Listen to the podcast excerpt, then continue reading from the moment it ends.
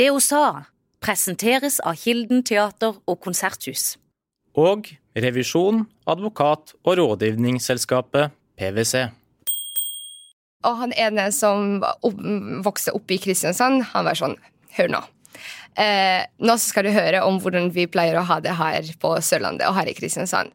Her så blir du ikke invitert når du flytter inn til og med når du er norsk, og så flytter du inn til Kristiansand med familien din, så blir du ikke invitert til en uh, sånn grillparty hos naboen.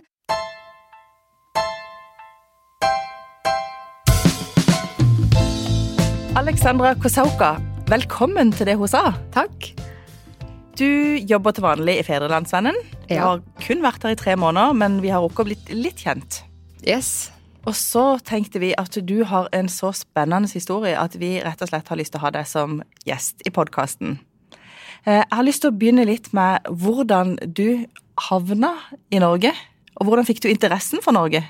Ja, det er en uh, historie som Jeg kan ikke si at jeg er flau over den historien, men den er litt uh, spesiell og litt morsom, vil jeg si. Og det er en kjærlighetshistorie, rett og slett. Men ikke sånn som ikke sånn typisk kjærlighetshistorie. Fordi eh, i Polen så er eh, skihopping veldig stor. Altså Det er en virkelig greie. Og på en søndag så samler familier seg og pleier å se på, på skihopping. Og så var det også sånn hjemme hos meg. Eh, og da jeg var sånn 14-15, så eh, fikk jeg skikkelig crush på en norsk skihopper som heter Bjørn, Bjørn Einar Romaren. Og så, ja, så jeg begynte liksom å se på intervju med ham og lese litt om bakgrunnen og sånn. Og så hørte jeg ham snakke norsk i et intervju, og da tenkte jeg åh, dette språket må jeg faktisk lære. Det høres så pent ut. Det er sånn melodi, og det er veldig musikalsk, og jeg vet ikke. Jeg bare fikk eh, skikkelig sans for, for språket, da. Eh, og så begynte jeg å lese mer og mer om, om selve Norge. Eh, hvordan det var her, eh, hva som eh, var viktig, og hvordan samfunnet så ut. Og det var så forskjellig fra det som jeg kjente fra Polen, og så var det det naturen, ikke sant? Alle de bildene. Så ja, jeg ble rett og slett veldig interessert, og begynte å fordype meg veldig i, i historie og eh, kultur og alt som hadde med Norge å gjøre. Så jeg kan godt si at jeg ble sånn Norge-nerd, rett og slett. Men, men hvordan gikk du frem for å lære deg språk? For du kunne rett og slett norsk da du flytta til Norge? Ja, jeg kunne en del. Eh, fordi etter hvert, etter at jeg har lest ganske mye, da visste jeg at eh, da blir det min karriere. på en måte. Da må jeg forbinde fremtida mi med Norge, eller noe som har med Norge å gjøre. Og da var det veldig naturlig å begynne på skandinaviske studier, som var veldig populære i Polen, faktisk. Det er veldig populært å lære seg et fremmedspråk og studere et fremmedspråk, for å så kunne jobbe som tolk eller oversetter eller eh, ja, eh, med ting som Ja, det er der man kan bruke et eh, fremmedspråk, rett og slett. Det er mange yrker der man kan bruke andre språk i, i Polen, da. Eh, Så jeg tenkte ja, da blir det skandinaviske studier med fordypning i eh, norsk. Eh, Så da tok jeg bachelor i det og lærte en del. Også veldig mye på norske serier, hørte mye på norsk musikk. Og ja, jeg hadde noen norske venner som studerte og bodde i Krakow. Og da blir da, Ja, jeg måtte rett og slett tvinge dem til å, til å snakke norsk med meg, som kan jeg se for meg ikke var så lett, siden jeg ikke kunne så mye. Men uansett så, så var det liksom Ja, i dag så snakker vi bare norsk. Og øvde meg så mye som jeg kunne, og så kunne jeg da en del det kom hit. Mm. Ja, For du kommer fra Krakow, ikke sant? Det Ja, er, det er det er hjembyen din. Yes, det er det. Helt sør i Polen. Og så har du vært tre måneder i Fevennen. Og før vi satte oss til her med mikrofonen, så snakka vi litt om hvilke tema eh, vi burde ha med i, podkasten. Og så sa du sjøl at vi kunne snakke noe om hvordan lykkes på kort tid som innvandrer. ja. Og du har jo lykkes, må man jo kunne si, når du er ferdig studert og har fått fast jobb som journalist. Du har jo vært innom andre redaksjoner også. Mm. Eh, Du har fått gjort spennende ting allerede. Blant annet var du jo tilbake til grensa mellom Polen og Ukraina i forbindelse med krigen. Det kan vi snakke litt om etterpå. Men, men hvordan lykkes man? Nei, det, fasiten er ganske kjedelig. Det blir ikke noe spennende svar. Det krever mye mot, og det krever mye arbeid, rett og slett. Og når jeg tenker tilbake på det, så tenker jeg det kunne godt gjøre alle de tingene som jeg har gjort hittil, for jeg har jo bare vært her i to og et halvt år. Jeg kunne godt bruke fire år på det. Eh, det jeg hadde ikke skada meg på noe vis, men hadde, da hadde jeg hatt det mye mer rolig. Og ja, men, det, men, hva er å jobbe hardt, og hva er å jobbe mye? Hvor mye er det? Uh, ja, da jeg kom hit, så var jeg veldig innstilt på å f.eks. ikke ta studielån. Og da jobba jeg ja, egentlig så jobba jeg fulltids mens jeg tok master. Så da hadde jeg nesten to fulltids, fulltidsjobber. Som ikke er så veldig uvanlig der jeg kommer fra, men her så er det mye. Uh, og da jeg, jeg føler bare at man Ja, hvis man vil lykkes på, på, en veldig kort tid, så er det det å Der må man være innstilt på kanskje måtte gjøre flere ting samtidig. Og være veldig engasjert. Og bare når det, når det dukker opp en mulighet, så må man bare gå for det. Så det er ikke sånn at, det er, ikke sånn at uh, det er veldig mange fine muligheter som bare dukker opp, og så kan man bare velge av de, spesielt når man er innvandrer. Der det liksom Har du mulighet til å gjøre noe gøy, noe ekstra, så må man være det. Så da jeg fikk første, min første mulighet til å jobbe som journalist, da var det i Aftenbladet i, i Stavanger. Da måtte jeg liksom ofre ferien min. Da, da, tok jeg ikke noe ferie. Eller jeg tok ut ferien fem uker fra den faste jobben min som jeg hadde da. Eh, for, for, å jobbe i For å jobbe i Aftenbladet. Mm. Uh, men har, du, men har, du, vært sånn spesielt oppsøkende selv? For du sa jo det at de kommer jo ikke rekende på en fjøl. De kommer ikke servert disse mulighetene. Nettopp. Man må det. Man må det, føler jeg. Eh, det, man kan ikke bare sitte og vente og forvente at ting bare kommer til å skje. At ting bare faller, ut av, uh, faller ned fra himmelen. Jeg føler at man må være nettopp det du sa, oppsøkende og, og proaktiv. Som, ja man må liksom virkelig ville å få ting til, og, og, ja, og være aktiv. Og det handler jo ikke bare om Eller det er ikke et råd som bare gjelder mennesker med annen bakgrunn. Det gjelder også når man er student eller er ferdig med å studere og vil ut i arbeidslivet. Tror du ikke det? Altså Hvis man er ung og har lyst til å, å få muligheter, så må man gripe de litt sjøl. Kan ikke du si litt om hvilke råd du har til andre unge ja, det, også igjen så blir det ikke sånn at eh, det blir eh, noe veldig nytt eller noe veldig spennende, men det, det, handler veldig om å gripe muligheter. Det handler veldig mye om å være aktiv. Det handler om å kanskje skaffe seg en ekstrajobb eh, eller være frivillig. For jeg føler at mange tenker at nå så tar jeg utdanning, og så skal jeg skaffe meg jobb. Men idet du er ferdig med utdanning, så er det flere som allerede har jobba med de tingene som du også har lyst til å jobbe med. Og da føler jeg det er viktig å bruke litt av fritida si, ikke bare på å slappe av, men også på å gjøre noen ting på si. Det kan være en ekstrajobb, det kan være ja, noen frivillig arbeid, det kan være noen prosjekter, men bare noe som, skal, som kan fylle CV-en din litt, slik at når du endelig er på jakt etter jobb, så har du noe å skryte litt av noe og liksom vise at jeg har jobba hardt, jeg har jobba virkelig mot det jeg vil oppnå.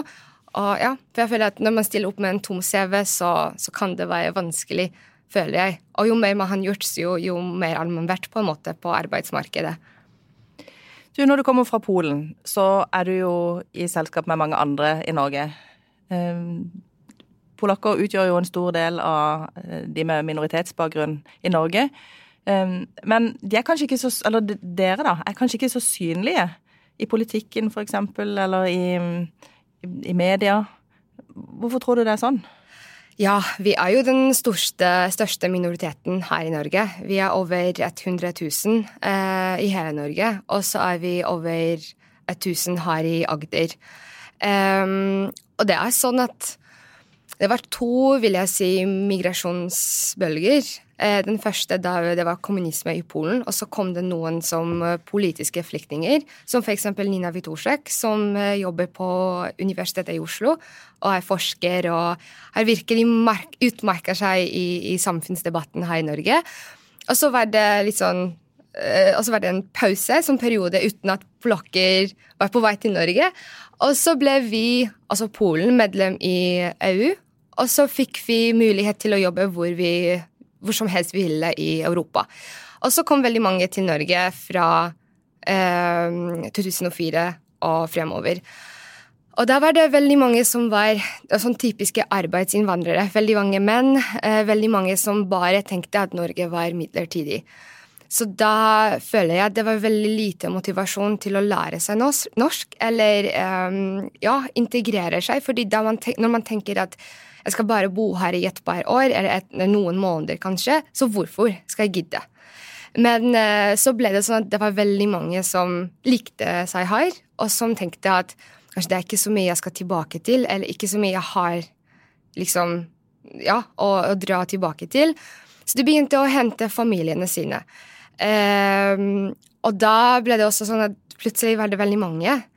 Uh, og da er det veldig enkelt å, å bare, bare henge med polakker, rett og slett. Og så bare forbli i det miljøet som man har skapt sjøl.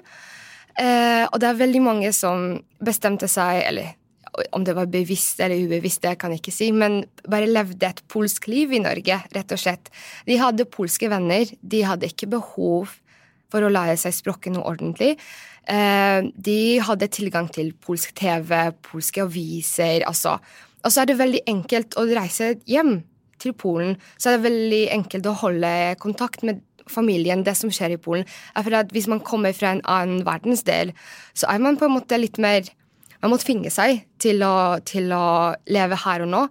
Men når man er fra Polen, og her, til enhver tid har mulighet til å reise hjem og være, forbli i kontakt i kulturen og sånn, så lever man nesten en sånn dobbeltliv. Men hva, men hva syns du um, ville vært en god måte å gjøre det på? Altså, hva ville du anbefale for å Eh, skape mer kontakter mellom det polske og det norske, og for å gjøre folk fra Polen mer synlige i, i Norge, i samfunnet? Ja, eh, det føler jeg at eh, det er opp til selv polakkene. Hvis de vil utmerke seg, så jeg føler at ansvaret ligger primært på oss. Og da må vi rett og slett gidde. Da må vi bruke tid på å lære oss språket. Da må vi komme oss ut og prøve å knytte kontakter og prøve å delta. Og det gjør folk nå. Det, den tendensen er i endring, så det er, det er langt flere nå før jeg som faktisk tenker at nå så skal vi faktisk etablere oss i Norge, og nå så må vi jobbe med det å integrere oss og sånn. Så den tendensen er i endring. Det er langt flere som kommer med hele familier nå. Det er ikke så mange. Så den eh, migrasjonsbølgen den har endra seg. Nå er det ikke bare menn som kommer hit for å jobbe her i et par år. Nå er det hele familier. Men ja. Norge er samtidig et ganske vanskelig land, og det er ikke bare polakker som sier det, er de fleste innvandrere. At nordmenn pleier å være ganske sånn lukka. Ja, for du fikk høre det da du kom, at det er ikke så lett å bli kjent her. Det var det noen som sa til deg? Ja, jeg hadde ikke Altså, jeg visste jo ingenting om Kristiansand da jeg flytta hit. Eh, og så flytta jeg inn i et kollektiv. Eh, med tre andre stykker, og så var alle norske, da. Og han ene som vokste opp i Kristiansand, han var sånn Hør nå. Eh, nå skal du høre om hvordan vi pleier å ha det her på Sørlandet og her i Kristiansand. Her så blir du ikke invitert når du flytter inn til og med når du er norsk, og så flytter du inn til Kristiansand med familien din, så blir du ikke invitert til en uh, sånn grillparty hos naboen før det har gått et år. For folk må, folk må, bli kjent med deg. Folk må på en måte bli vant til deg. Er det en ny restaurant i Kristiansand, så må det gå litt tid før den blir oppsøkt av folk. Fordi folk liker ikke nye ting i Kristiansand. Det var det han sa til meg. Så da var jeg sånn hm, Her sa det litt spesielt, men det forklarer også altså sånne ting. Han, men, men var det sånn, da? Ja, altså Det er veldig mange som sier det. Jeg føler at selv en nordmenn sier det veldig ofte, at eh, det er vanskelig å etablere seg og knytte kontakter og, og få seg noen venner. Eh, spesielt her på Sørlandet eller i Kristiansand. Rett og slett fordi de som har bodd her i hele sitt liv, de har jo kontakter fra før. De er ikke så veldig interessert i å utvide det nettverket. Mm, så ja, det er det som innvandrere sier. Det er det som uh, Ja, mine kolleger sier til og med. At her så kan det være litt spesielt, og, og folk er litt lukka. Og det er det som også gjør at det kan være vanskelig for, for polakker og andre innvandrere å integrerer seg på en bra måte. Fordi til og med når vi prøver å Jeg føler at ja, det må, det må være to, ikke sant? Det må være noe samarbeid. De som er innvandrere, de må være aktive. De må prøve å komme seg ut. De må prøve å knytte de kontaktene da. Og så må nordmenn være litt mer åpne. Ja, for Jeg hadde lyst til å spørre deg om det. Hva, hva vil du si til alle som hører på? Hva, hva, skal vi, hva, skal vi, gjøre for å få nye innflyttere til å føle seg velkomne? Være litt nysgjerrig, føler jeg. Fordi eh, folk fra andre kulturer og folk fra andre land har veldig mye å tilby. Hvis du skal gå på en polsk fest, så er det garantert at du får masse mat. Eh, vi er veldig kjente gjeste, for gjestefrihet. Eh, du får god latter. Eh, gode venner på godt og, godt og vondt. Eh, jeg føler at kanskje, kanskje er det sånn at nordmenn har blitt så vant til å leve side om side med folk fra andre kulturer uten å måtte Ja, uh, uten å måtte uh, snakke med de særlig Eller ikke snakke, da, men uten å måtte det har ikke vært nødvendig kanskje å liksom forholde seg så ja, mye til dem? Ja, ja. Det, det, var to, tre altså Det var miljøer som levde litt sånn parallelt. Uten at de forskjellige minoritetene måtte liksom blande seg imellom, mm. hvis du skjønner. Jeg kjenner egentlig ingen fra Polen. Jeg kjenner folk fra mange land og er egentlig mm. veldig nysgjerrig. Men uh, du er nok den eneste jeg har snakka sånn ordentlig med fra Polen. Um, og egentlig så er jeg veldig sånn nysgjerrig på hvordan altså, Folk er jo forskjellige overalt. Uh, og det er jo ikke sånn at nordmenn bare på én måte. Men hvis du skal prøve å si litt om hvordan mennesker fra Polen er, går det, går det an å, å si litt sånn, sånn er vi? Ja, vi, jeg føler at vi er veldig stolte. Stolte? Eh, stolte, ja. ja. så, og det har bare liksom fordeler og ulemper, for vi kan være det kan være veldig positivt, men noen ganger så kan vi bli veldig fornærma hvis du snakker om Polen, og så har du noe ikke så veldig hyggelig å si. Så, så, kan vi da bli litt sånn Ja, hva vet de om Polen, egentlig? De har aldri vært Eller de har bare vært i Gdansk på liksom helgetur. Ja, så det, vi er veldig stolte, da. Og så er vi veldig vi, har, vi, er veldig kjent for den gjestefriheten vår.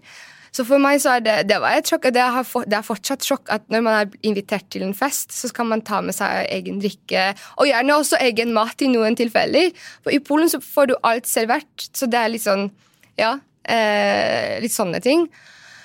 Eh, og så er vi Ja, vi, har den, eh, vi er litt varmere, vil jeg si. Litt mer åpne og veldig emosjonelle.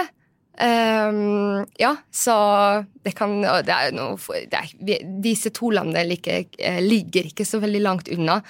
Men det er noen forskjeller som kan gjøre det litt vanskelig å forstå hverandre og gå, komme godt overens, fordi vi er veldig Vi reagerer veldig. Uh, veldig emosjonelt. Og det er mye liksom vi, er, vi snakker høyt. Vi er litt mer overalt. Ja. Eh, men egentlig så vil jeg si at ja, eh, polakker er veldig Ja, vi er varme, og vi er um, Vi er også veldig gode venner, føler jeg. Og vi stiller opp, rett og slett. Så hvis du har en venn som er polsk, så da har du virkelig noe, noen å stole på. Mm. Du har jo fått til veldig mye på kort tid, som vi har snakka om. Men er det noe du ikke har fått til? Uh, ja. Eh, jeg føler veldig Jeg syns veldig synd på meg sjøl, fordi jeg lærte en del norsk i Polen. Og da får jeg aldri den riktige aksenten. Og det syns jeg er veldig, veldig, trist, fordi jeg har mange venner som har flytta hit fra utlandet, eh, eksempel, som hadde norske kjærester. Og da begynte de hele den der um, læreprosessen her i Norge og her i Kristiansand. Og de fikk litt sånn sørlandsk ja, eh, dialekt, og det får jeg aldri, mest sannsynlig, for nå, er det, nå har toget gått. Nå er det for seint. Så det er det. Uh, ja, men ellers så føler jeg at jeg har vært ganske heldig. Jeg, hadde, jeg, har hatt veldig mye flaks. Og var på riktig sted i riktig tid. Så det fleste som jeg har på en måte sett for meg at jeg skulle oppnå, det har skjedd. Og det har gått langt over forventninger. Altså, det jeg sitter her i dag, er jo helt Ja, det, det trodde jeg aldri kom til å skje. Mm. Du, Hva sier familien din til å ha deg så langt borte? Nei, de Er de stolte av deg? Ja, de er det. Eh, spesielt den nærmeste familien, altså foreldrene mine og broren min. De er det, og de er veldig glade, jeg tror det, eh, for å ha meg her, fordi da kan de komme på besøk. Og de er veldig glade i Norge, alle sammen, og de er veldig aktive og går mye tur, så det er egentlig så er det perfekt for dem. Mora mi, si, mora mi sa til og med at eh, hun kan tenke seg å pensjonere seg eh, etter hvert og bare flytte til, til Norge og kanskje jobbe litt som vaskedame, på å si. Og så bare bo her fordi det er så rolig her og så greit og så pent og sånn. Mm, ellers så Det er litt uh, kulturforskjeller som gjelder det at når man uh, er voksen og har eldre foreldre i Polen, så skal man gjerne ta seg av de. Så da ser um, resten av familien på meg litt som Ja, hun kan jo bo i Norge nå, men hva, hva er det som skjer når hun på en måte får barn? Blir, blir ikke det vanskelig? Eller når foreldrene hennes blir litt eldre? Er det hvem er det som skal ta seg av dem? Så de er litt skeptiske. Uh, men uh, det er den nærmeste familien som, som, på en måte er det viktigste, og de syns at det er helt greit. Du, du nevnte det med tur og natur.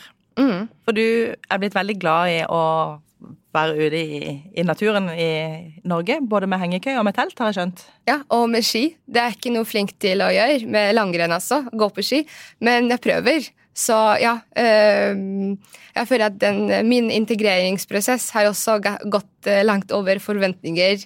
Øh, og jeg har integrert meg på veldig mange ulike måter. Og ja, jeg er kanskje ikke født med ski på beina, men jeg prøver å, å ja, gjøre opp for det, da. Men du er jo ei aktiv dame, og du jobber mye. Mm. Du er veldig engasjert. Og så må du av og til koble helt av. Hva gjør du da? Nei, da går jeg tur. Da er jeg i naturen. Da, da tenker jeg at eh, da skal man helst Eller ja, da skal jeg helst uh, uh, Da ser jeg meg på, et, fjelltopp, på en fjelltopp eller ved sjøen. I stillhet med noe mat, en kopp te eller kaffe i sånn termos. Og da er det bare å ikke tenke på noe. Eller da er det bare å sitte der og nyte, nyte vare, nyte nyte, nyte utsiktet. Utsikten og bare Ja, det er det som får meg til å koble av og være der ute og ikke måtte tenke på alt det hektiske som skjer ellers. Og i det siste så har du jo hatt noen ganske sånn alvorlige saker å jobbe med. Du dekker jo vårt um, Eller du dekker jo Ukraina for oss. Mm. Og så er det bare vel en tre uker siden cirka, så reiste du Det var rett etter at krigen mellom Ukraina og, og Russland starta, eller invasjonen, da, mm. så reiste du hjem til Polen, til Krakow, der du har din familie. Og så dro du sammen med vår fotograf til grensen. Mm. Eh, det er en ganske sånn tøff oppgave å skulle formidle noe så dramatisk. Det er det. Og det var veldig sporty av Fedrelandsvennen å sende meg ned dit, føler jeg. Eh, en såpass ung eh, og fersk journalist, rett og slett. Men det, var, det er det med å bruke kompetanse. For hvis du skal ha innvandrere på, i arbeidsplassen din, hvis du skal bruke de og ansatte de, så da, det, da har de noe ekstra kompetanse som andre ikke har. Og det å ta det i bruk i praksis, det er det viktigste. Og da skjedde det, ikke sant? Fordi jeg kunne språket, og fordi jeg kunne litt om litt geografi og hadde litt mer peiling på det som kanskje skjedde der nede, så ble jeg sendt. Og det setter jeg veldig pris på. Møt Hedda Gabler, Rebekka West og flere av Ibsens sterke kvinner under Ibsens fest i Kilden siste uken i april. Se programmet på kilden.com. Hvis du tar oss med til grensen, og så skal du prøve å gi et bilde til de som hører på, av hvordan forholdene var der mellom Ukraina og Russland da dere kom ned. Hva så dere? Hva hørte dere? Hvordan eh, lukta det? Altså, ta, ta oss med ned. Um, jeg føler at det første altså det, Når jeg tenker på det nå, uh, så er det første ordet som på en måte dukker opp i hodet mitt, uh, desperasjon. Fordi det var folk som var veldig i desperasjon, som måtte, plutselig måtte flykte. Og det var, det var litt sånn med den konflikten at den hengte litt i lufta. Men det var veldig få, utrolig få, som egentlig som trodde at det skulle skje. Og så plutselig så skjedde det. Ganske så uforventa. Uh, så det var nesten ingen som var på noen som helst måte forberedt på det. Og så måtte de flykte. Og det var veldig mange på veldig kort tid, så det var veldig mye kaos. Uh, og så var det hovedsakelig kvinner og barn, så det var også sånn at uh, Det var mye frykt. Det var mye Ja, det var, det var hele den pakka, det å måtte forlate hjemmet sitt og og, og ikke vis, vite om man skulle ha et sted å, å, komme tilbake til. Men også det å måtte eh, legge fortida bak seg, og det å kanskje måtte si farvel til mannen sin eller faren sin, kjæresten, uten å vite om man skulle møte de igjen. Det kan jeg se for meg må være kjempevanskelig. og var, jeg føler at det var det som var veldig synlig i, i de kvinnene som vi møtte at de ikke bare De var veldig innstilt på å komme seg ut, og veldig innstilt på å komme seg videre og, og komme seg i trygt, men um, trygghet. Men samtidig så var det, det den usikkerheten, og man kunne ikke De kunne ikke helt på en måte Nå så kan vi slappe av, nå er vi trygge, nå så er det bra. Fordi en stor del av dem, altså en stor del av familiene, en stor del, en stor del av de sine liv, forble i Ukraina. Måtte, måtte, bli igjen og kjempe. Så ja, det er veldig tragisk, egentlig. At man ikke kan Jeg føler at de fleste av disse kvinnene ikke helt kan nå slappe av og, og, og koble seg av, på en måte, og, og, legge den krigen litt sånn bak seg.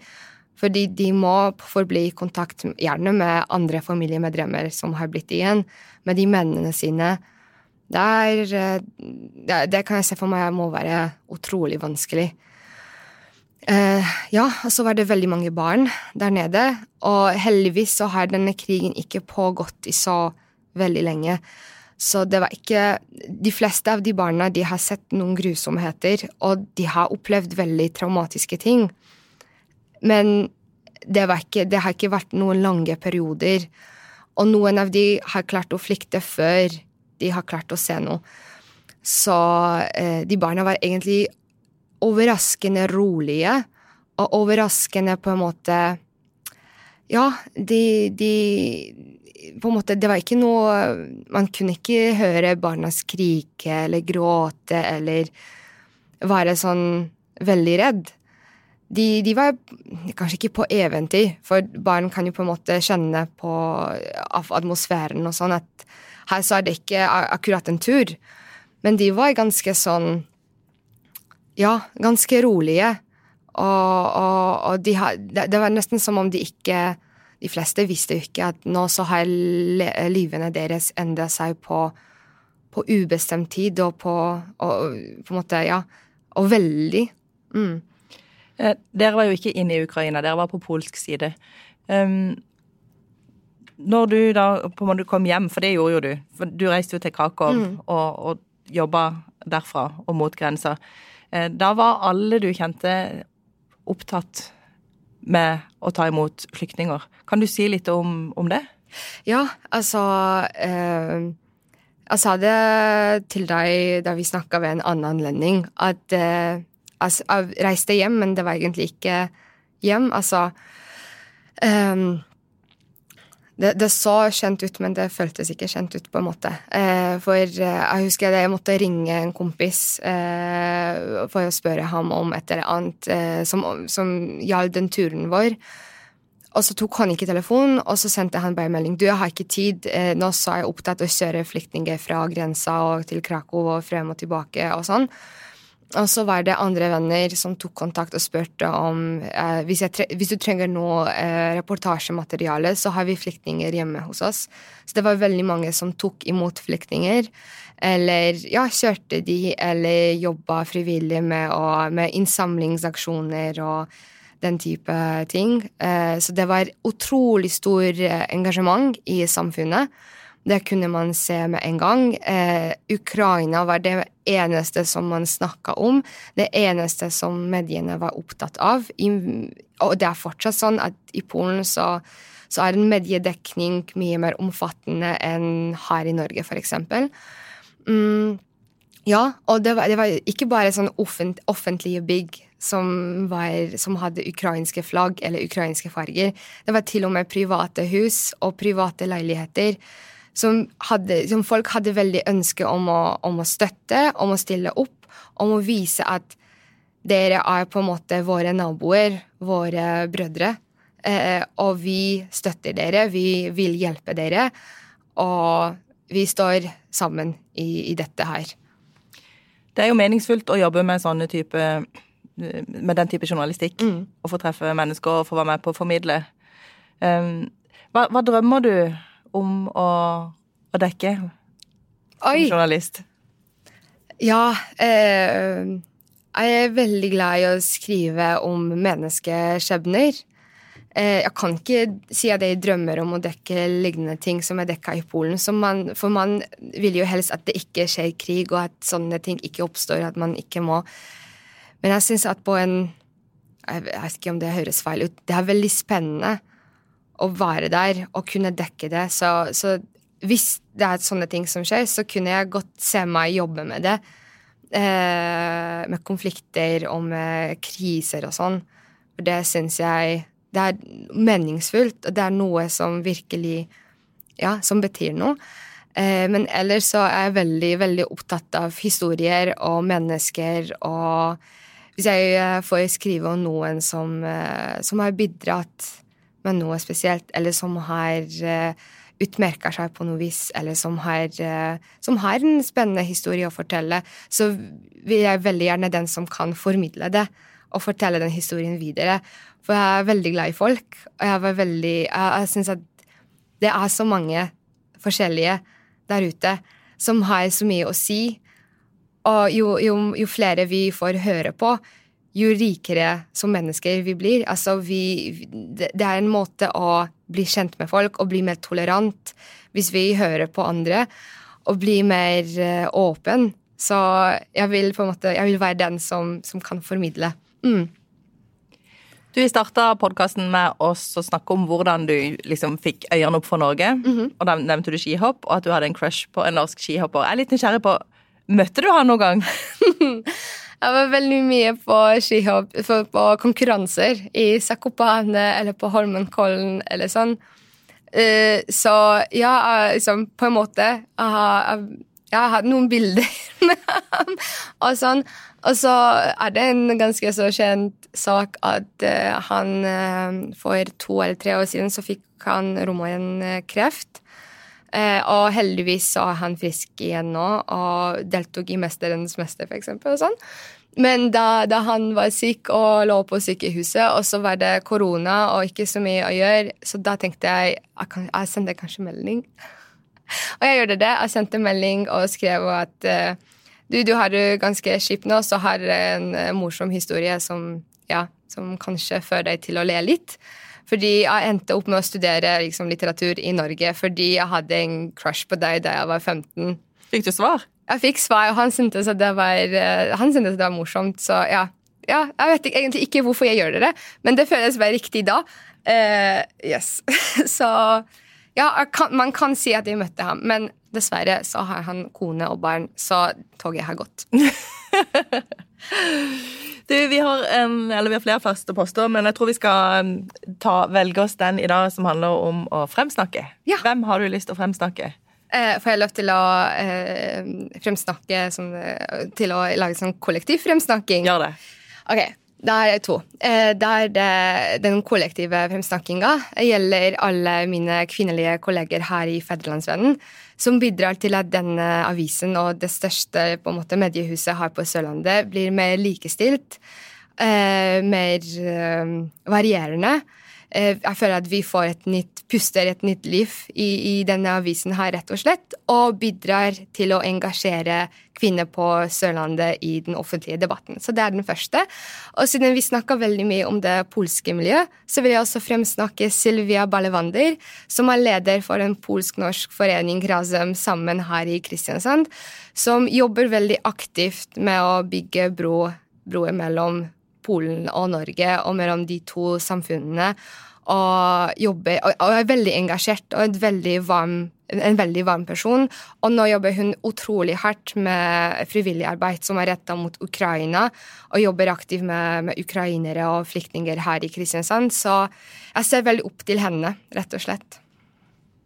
Tusen takk for kjempefin fremsnakk, og takk for god prat. Veldig gøy å bli kjent med deg og vite mer om historien din. Det var veldig gøy å kunne fortelle det. Mm. Så Alexandra Kosauka, tusen takk for at du ble med i det hun sa. Takk for at jeg ble invitert. Du har lytta til Federlandsvennens podkast Det hun sa med Birgitte Klekken. Har du tips til andre bra damer vi bør snakke med, eller har du lyst til å dele inspirerende erfaringer fra ditt arbeidsliv? Ta kontakt på dethosa.fun.no. Det hun sa presenteres av Kilden teater og konserthus. Og revisjon, advokat og rådgivningsselskapet PwC.